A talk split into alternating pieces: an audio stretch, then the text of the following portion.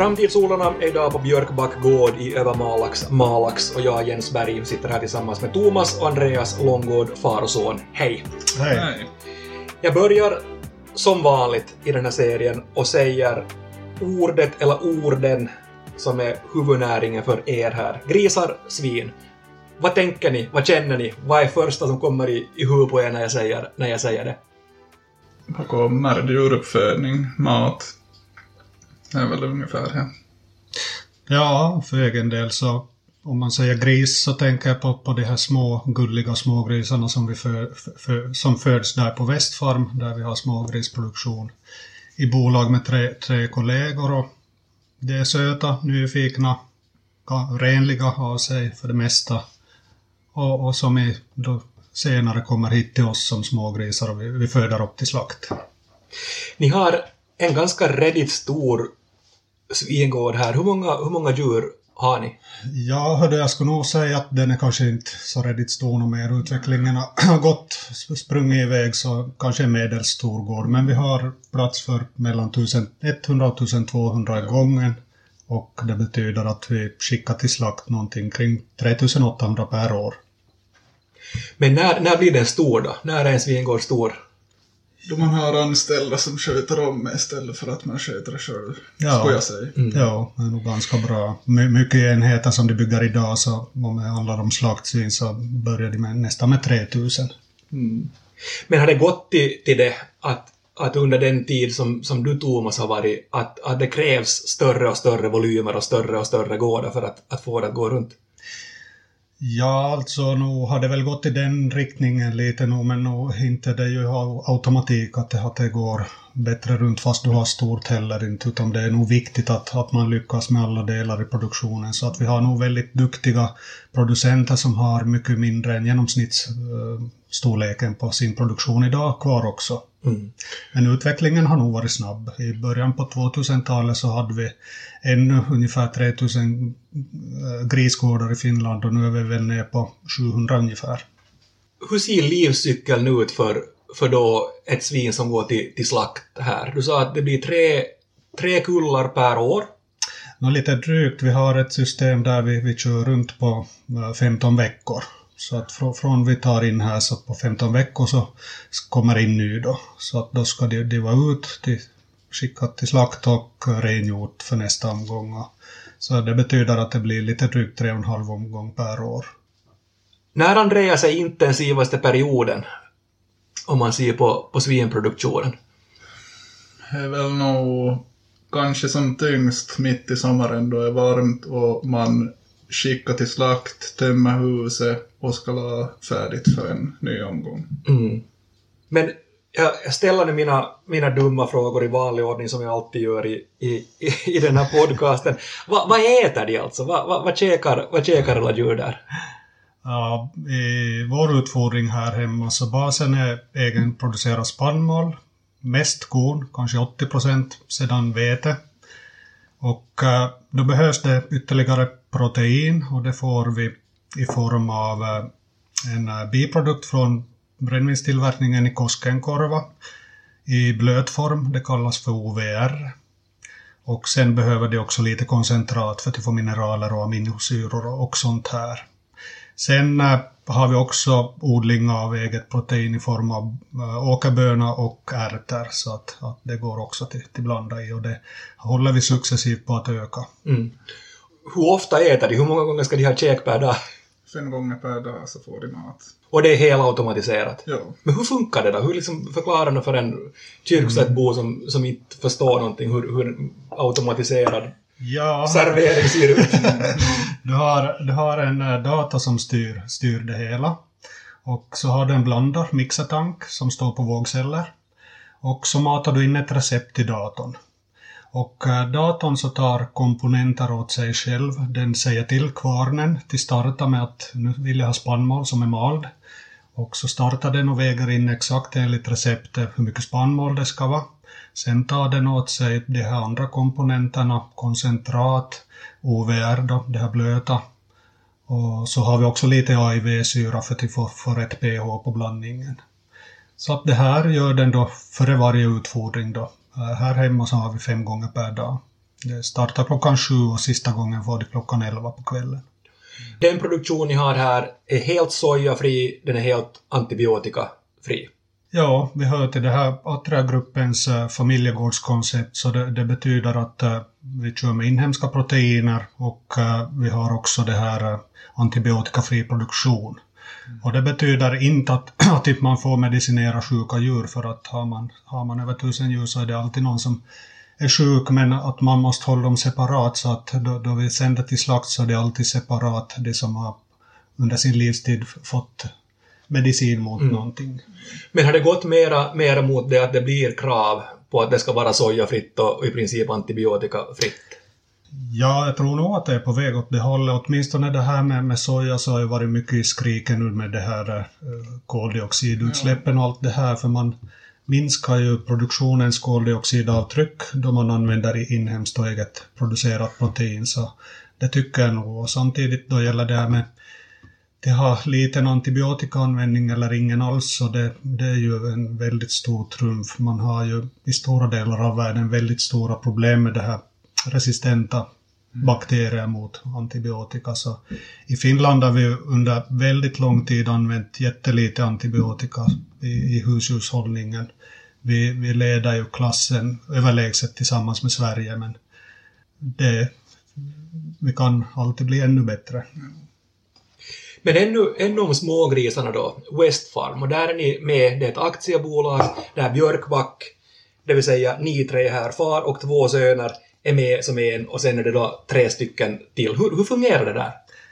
Ja, alltså i praktiken är det jag som är med i, i, i Västfarm för att i, i tiderna då vi grundade 2012 satte vi igång driften där så då var ju inte mina söner med. Mm. Men det är klart att det är gården som på sikt kommer att ta över andelen i, i Västfarm. Och uh, ja, hur det funkar alltså, vi, vi är fyra jäm, jämlika kompanjoner där som i tiderna då vi har kanske andelslaget Österbottens kött kom samman i sån här smågruppsverksamhet och alla hade vi väl utvecklingsplaner och vi kom till att det är bäst att vi utvecklar tillsammans för då, då är både insatsen och risken och allt det här kan vi dela på. Och det här samarbetet så har nu under årens lopp fungerat jättebra och vi deltar inte i den dagliga driften på Västfarm, ägarna men vi har veckovisa, varannan vecka har vi möte med, med, mellan ägarna och personalen och, och uh, underhåll och och det här uppvärmning och mycket annat så sköter ägarna själva om. Hur avgörande är kvaliteten på, på smågrisen? Alltså det här är en ledande fråga och jag antar att svaret är ja, att den är, att den är avgörande förstås. Men hur, jag menar, hur viktigt är det för er? Nå, nog ger det en hel del. Att uh, få alla grisar från ett och samma ställe så är nog faktiskt... Ja. Då vet vi att alla grisar är någorlunda samma storlek då de kommer. Eh, jag minns då vi började i tiderna 97 här, då vi tog från den allmänna djurförmedlingen och man kunde få ett parti från 30 olika ställen. Då var ju mycket mer småproducenter kvar också, men att, då betyder det att det kommer smittor eller eh, det, det, är från 30 olika ställen, så att eh, det här med kvaliteten, att man får allt från ett ställe, så det är nog jätteviktigt och det inverkar nog mycket på produktionsresultaten här också. Nu har vi hela tiden utmaningar på Västfarm och så att inte det är någon gång helt problemfritt där heller men att överlag så har vi nog uppnått bra kvalitet under årens lopp ska jag säga. Och när, när ni levererar då köttet eller när ni levererar till, till, till slakt så har ni, har ni någon form av direktförsäljning också eller hur, hur ser det ut? Nej, allting, allting far nog via det här produktionsavtalet som vi har med Österbottens kött och så far det ju då via till, till Atria och till, till Norum och till slakteri och så ut på marknaden. Både inhemska marknaden och en hel del går ju i dagens läge också på export. Vet, vet ni hur mycket av, av, av er produktion som går på, på export? Nå, inte exakt inte. Vi har, vi har hela tiden hört till den här gruppen som de får exportera från. Det var några skilda kriterier där som man måste ha, men jag skulle säga att i dagens läge kanske av Atrias produktion så går 80 procent på inhemska och 20 på export. Och då vi har gårdsmärkt så, så vi har faktiskt hittat egna gårdens produkter också, till exempel på pålägg i egna butiken här i Malax. Det måste kännas ganska bra. Ja. ja, det är lite skill, känsla. Ja, det är nog Uh, Speciellt på något sätt. ja, jag, kan, jag, kan, jag kan föreställa mig det. Ja. Att det, det måste vara på något sätt det ultimata när man ser resultatet av sitt arbete så finns där. Ja, då står det Björkbackgård på förpackningen. Så att, Det måste jag ju fråga, fråga också. Att när, när tycker ni att, äh, att griskött är som godast? Ja, du, eh, jag föredrar nog det här på sommartid då man grillar griskött så, så det är nog bra. Om du har till exempel revbensspjäll och förkokar det lite och så smättar du på grillen, bra marinerat, så då, då kan du nog få riktigt gott kött. Mört och bra. Ja. Och inre filé så är ju alltid, inre och Ja, yttre filé är ja, alltid gott också till grilla. Men, men, men, men med ribsen ännu så, så hur länge kokar ni dem? Nå, ja, timmar ja, jag en till två timmar. Det Men det ska de nog. vara så att de faller sönder riktigt sen på, Ja, på grillen så att det ska vara riktigt sådär så att ni plockar ut benen? Nu är nästan. det bäst så. nästan nog får Men, det vara. ja, lyckas är ju alltid förstås. Nej. Framtidsodlarna är idag på Björkback gård i Övermalax och jag sitter här och samtalar med, med Thomas och Andreas Långgård om svinproduktion. Först, det är en fråga om varför blev Björkback en, en svigård? Ja, det har att göra med då i tiderna då mina föräldrar som bor i Klockabacken Yttermalak så hade mjölkproduktion ganska länge och eh, ganska gamla byggnader som de producerade i och nära till grannarna. Sen avslutade mjölkproduktionen och, och fortsatte till föda upp köttnöt, nötköttsproduktion där. Och eh, behovet av att investera i några nya produktionsutrymmen så, så börjar komma emot och vi börjar lite fundera att vad ska vi satsa på och var ska vi satsa. Då visade det sig nog att där, där de bodde så, i Klockabacken så där var det för trångt till, nära till grannarna i och med att anläggningarna blev större och större. Och där, här dit vi flyttade då 1997 började vi bygga upp det här stället där vi bor på nu. Här i Viasgränden i Övermalak så det är egentligen från min farmors eh, föräldrar föräldrahemman som i tiderna delades i sju delar. Hon fick en del och sina syskon fick de här övriga delarna och då med årens lopp så har vi köpt in då, de andra delarna så idag så är det gamla hemman intakt. Och här var det som bättre utvecklingsmöjligheter eh, med, med närhet till grannar och så, så vidare, åkerareal runt driftcentret och så vidare. Så. Men varför det blev just eh, gris, grisproduktion så, ja, jag vet inte. Det blev nog bara så. Det var, vi hade många framgångsrika grisuppfödare i Malak, så jag tror att det inverkar. Mm. Och inom ett Österbottens kött och som vi samarbetar med så var det ganska bra driver på. De hade varit eh, långt framme i utvecklingen av nya foder för grisproduktionen och så vidare. Så att det var, fanns som ett go i det här. Och förebilder. Ja. Och, så. Ja.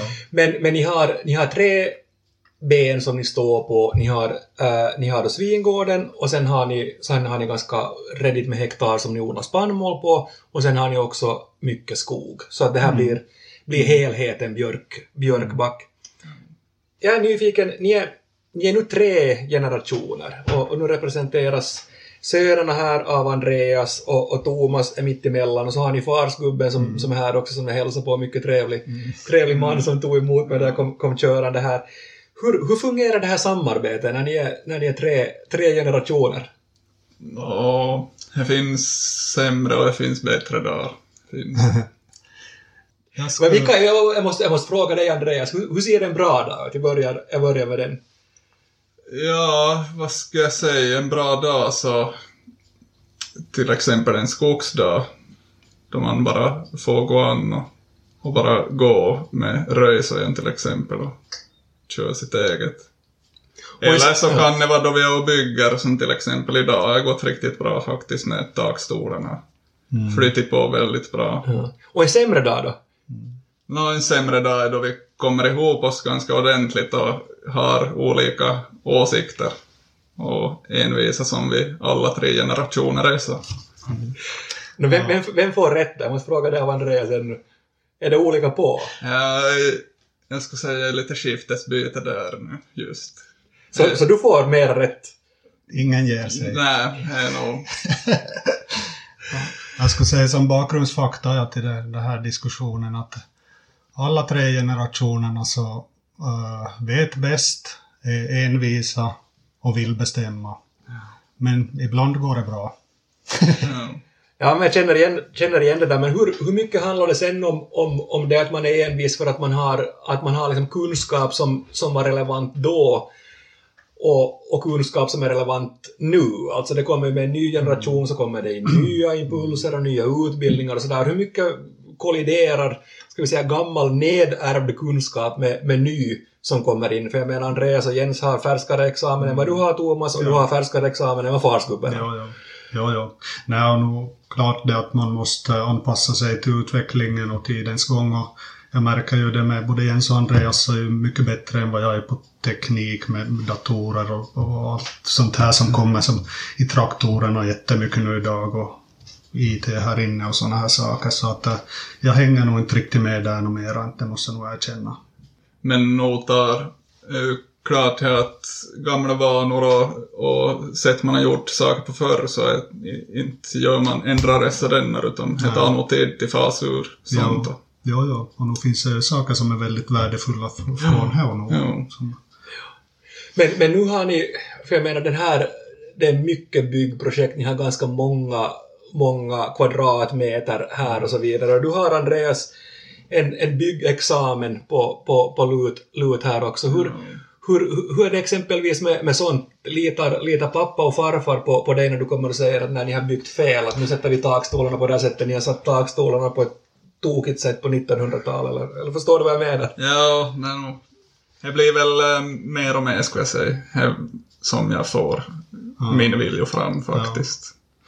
Åtminstone om det är projektering och planering Ja. och sånt så då sköter nog Andreas sig ganska långt själv. Sen i praktiken så försöker vi nog kompromissa och, Ja.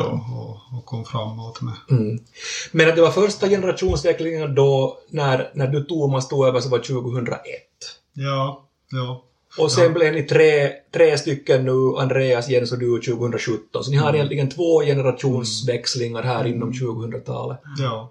Har det varit någon skillnad på dem? Det här är kanske bättre att Thomas uttalar sig för att du har varit med om dem båda. Ja, alltså nu har, vad är skillnaden? Jag började ju praktiken redan 1988 med att arrendera egen mark och, och köpt kanske första 1991 och, och, och utveckla lite som separat då under tiden. Men 2001 så tog, tog då min dåvarande fru Lena och jag över mitt föräldrahemman och det var ju som till storleken inte alls i samma omfattning som jag var nu 2017 för att utvecklingen har ju gått, gått så snabbt så att eh, Eh, det var ju kanske nog lite lättare då. Nu, nu var det nog mer aspekter som behövde beaktas och skulle kanske planeras lite mer i förväg och så vidare. Vi hade ganska mycket kontakter både med rådgivning och inom SLC så hade vi Holger Falk som är specialitet, specialist på de beskattningsfrågorna till hjälp oss ganska mycket och, och så vidare. Men summa summarum så tycker jag båda generationsväxlingarna gick ganska smärtfritt och bra. Eller vad tycker du Andreas? Ja, jag håller nog med faktiskt. Men var ni, var ni sådär att ni hade rådslag före, före generationsväxlingen 2017 så ni slog er, slog er ner alla tre gubbar och så funderade ni att hur ska vi, hur ska vi ha det, hur ska inriktningen vara och sådär? Ja. Ja, Vi hade nog faktiskt hade det. nog diskussion. Det var nog riktigt så vi satt vid det här bordet och diskuterade på, på allvar att hur, hur ska vi göra allting i framtiden? Vad vill vi satsa på? Hur ska alla, allas intressen beaktas och så vidare? Inte vet jag om det till 100% riktigt har slagit ut heller men nog drog vi upp riktlinjer som vi har försökt Mm. Ja, följa. Ännu, ännu om svinproduktionen så, så den diskuteras ju mycket under lupp. Det talas om utrymme, transporter och, och avlivningen och, och så. Det har under de senaste åren och blossat upp, som vi var inne på lite tidigare här. Hur, hur reagerar ni på, på allt det här som snackas nu? Ja, nu, nu blir man ju illa berörd vissa gånger måste jag säga. Och, och mina egna och mina kollegors vägnar för att eh, det är ju en form av propaganda som pågår eller har pågått och nu kanske det har varit lite lugnare under coronatiderna men jag märker att det håller på att dra igång på nytt och jag tycker på ett sätt då man vet alla eh, jämförelser och undersökningar så visar ju det att vi, vi sköter djuren av de, de bästa länder i hela världen och vi har bra kvalitet och, och, och allt det här. Och ändå så piskar vi oss själva på det här viset, eller de, de som driver den här propagandan. För eh, många av dem så vill ju att vi ska sluta med husdjursproduktionen i landet och det leder bara till det att den flyttar utomlands, både arbetsplatserna och djurhållningen och då vet vi att då blir ju djuren Sämre behandlade. sämre behandlade. Och det här, våra normer i Finland så är ju, överstiger ju nästan alla andra EU-länders normer. Det är väl Sverige som är ungefär på samma nivå men i övrigt så har vi ganska strikt med krav och, och sådana här utrymmeskrav och, och det ena och det andra med djurhållningen i Finland. Hur reagerar du Andreas just på, på den här diskussionen som, som har pågått? Eller pågår? Nej, alltså nog är det på samma sätt att det är ju... Man blir ju som lite nedslagen då, då man läser såna kritisk, väldigt kritiska åsikter. Att eh, som papp sa så vi odlar, eller har något till finast köttet i världen och behandlar djuren mycket väl. Men hur är det just med, med, med andra typer i din ålder som inte har likadan insikt i produktionen? Får de höra så tänker de men vad tusan håller den här Andreas på med, på med nu då? Alltså, åtminstone i min krets, eller vad jag ska säga, så är de förstår nog att inte allt stämmer inte som det står i bladet, utan de vet nog att man faktiskt behandlar djuren mycket bra här. Dagens framtidsodlare heter alltså Thomas och Andreas Långgård, far och son, och jag, Jens Berg, finns här i Övermalax. Och vi diskuterar nu lite framtidsfrågor avslutningsvis här samtidigt som snälla Thomas häller upp lite kaffe till mig här, så då får jag öva min multiförmåga att tala och ta emot kaffe samtidigt. Vi ska, vi ska knyta ihop lite och tala ännu om griskött. Och under 2010-talet så har finländarna ätit mindre griskött. En nedgång på drygt 10 procent har det varit under 2010-talet, men fortfarande så är griskött det överlägset populäraste köttet bland finländarna. Hur, hur ser ni på, på den här utvecklingen? Ja, alltså vi har ju haft en svag trend nedåt och det, jag tror att den kanske kommer till fortsätta. Och det kanske Ja. beror också på att det här ljus, vita köttet, broilerköttet har ökat ganska mycket under samma tidsperiod. Nötköttet, röda köttet så har varit ganska konstant eller minskat lite det. Och, eh, det har inte varit stor minskning, vi äter ju ännu över 30 kilo griskött per person och, och, och år i Finland. Och, det är väl en ganska rimlig nivå som jag tror kanske kan hålla eller minska lite i framtiden. Men samtidigt är det ju i världen så ökar ju köttkonsumtionen ganska mycket så att eh, jag tror ju att för vår produktion här i Finland så kommer det till finns marknader i alla fall fast det minskar lite kanske inhemska konsumtionen. Så att ni ser kanske att den här balansen mellan 80 procent inhemsk som går till inhemsk konsumtion och 20 procent på export, att den procenten kan, kan vara den som, som påverkar er, att det kan bli 70-30 eller något sånt i, i framtiden. Ja, jag tror det. Ja. Vi, vi, vi producerar ju världens renaste kött i Finland så att eh, jag hoppas att eh, våra förädlingsföretag hittar marknadskanaler för det köttet där de får ut ett skäligt pris för det så att man kan upprätthålla ett producentpris så att vi producenter också kan leva. Hur har producentpriset utvecklats under, under 2000-talet för er? Har det varit, varit stabilt eller hur, hur har det sett ut? Ja, det, det var nog rätt uttryckt. Det har varit Mm, stabilt, ja. men enligt oss kanske på en lite för låg nivå i alla fall. Men i Finland så har vi en prisutveckling på producentpriser som är väldigt stabil. Alltså, inte, går inte upp något mycket och det sjunker inte något mycket. Och det är ju både för och nackdelar med det, men lite kritiska har vi varit den här senaste tiden då det har haft väldigt höga priser ute i Europa och, och här i Finland har inte nämnvärt syntes i producentpriserna. Men ni har effektiverat ganska mycket, ni var inne på, på att ni har automatiserat mycket, ni har, ni har skurit kostnader, som det, som det då heter, heter egentligen. Känns det inte orättvist för er producenter? Alltså, så skulle jag bara tänka det, att, att det där, man kapar i kostnaderna och gör det effektivare och gör det bättre, och, och samtidigt så, så syns det inte på sista raden för er.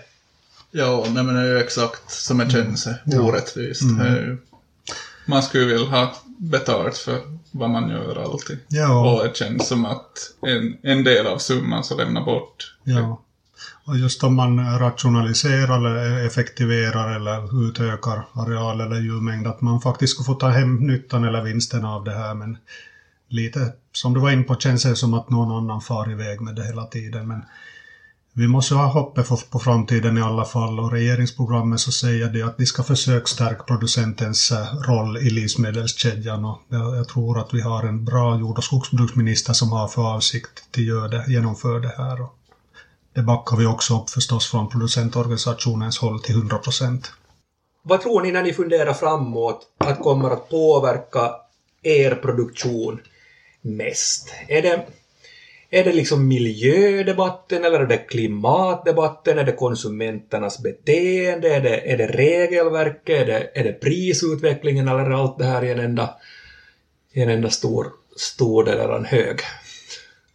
Ja, jag tror du nämnde alla faktorer som ja, kommer till, till påverka oss i framtiden, men vilken som kommer till ha störst betoning eller så det, det är nog svårt att säga. Ja jag hoppas ju att det inte är miljö och klimatdebatten som kommer till påverka oss för.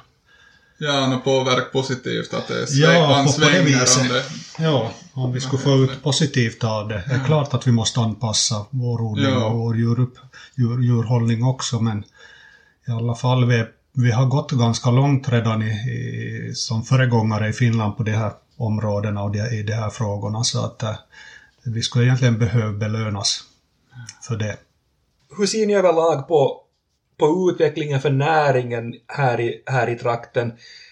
Svinproduktion tar jag, tar jag nu med att vi har talat, talat mest om det. Du sa, du sa Thomas att det fanns många förebilder då när, när du började fundera på, på, på inriktningen här. Hur, hur ser återväxten ut? Jag menar Andreas har vi, har vi här som sitter som en representant och Jens andra, andra sonen som en annan, annan fin, fin och trevlig representant. Men hur ser det sådär överlag ut om vi ser på på Malaxtrakten eller på, på, på, det där, på, den här, på den här delen av, av Österbotten?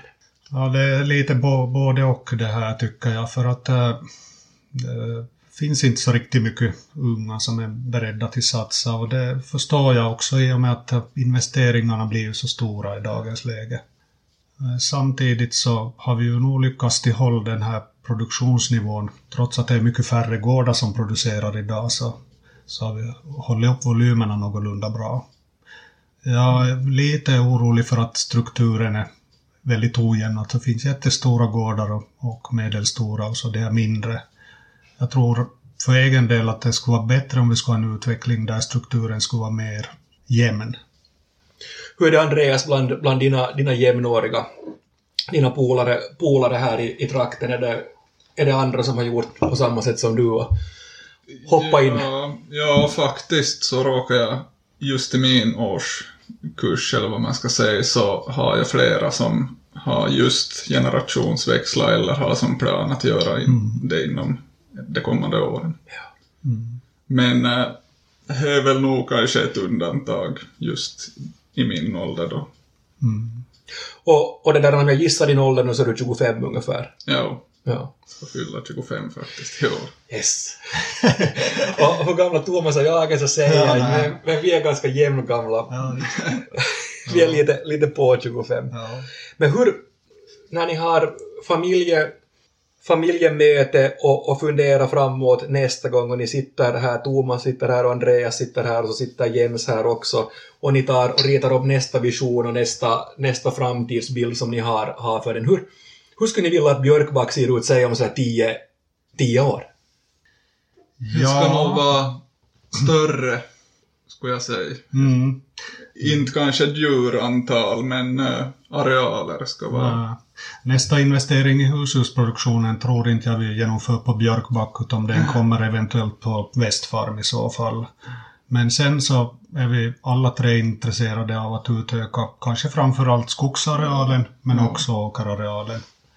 Och det har vi nog som målsättning att, att vi ska genomföra vartefter mm. i måttliga investeringar och då mm. kommer intressanta objekt.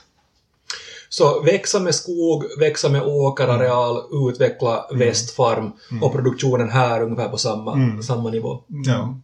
Jag tror att det gäller utvecklingsfrågor för, för Björkbackgård så har vi ganska samma målsättningar alla tre så att där har vi aldrig haft något större disputer eller mm. olika åsikter. Det är nog närmast då vi i detaljer som ska genomföras sen ja, kan ha lite olika åsikter men i de här stora bilderna som vi ritar upp så där har vi nog varit sam Ja. väldigt samstämmiga. Ja, investeringar och sånt. Ja, så är det och vi brukar nog ha det som målsättning att ska vi genomföra en större investering så måste vi nog vara eniga. Men då tar ni inte med pappa eller farfar, äldsta generationen, ni- när ni har de mötena. Ja, Eh, ja, det är väl nog så att det är nog på, på oss yngre som vi, vi tar den diskussionen. ja. Tack Thomas och Andreas Långgård för att jag fick besöka er här idag. Tack ska du ha själv. Ett nytt avsnitt av Framtidssolarna publiceras i vanlig ordning igen om två veckor. På återhörande då, mitt namn är Jens Berg.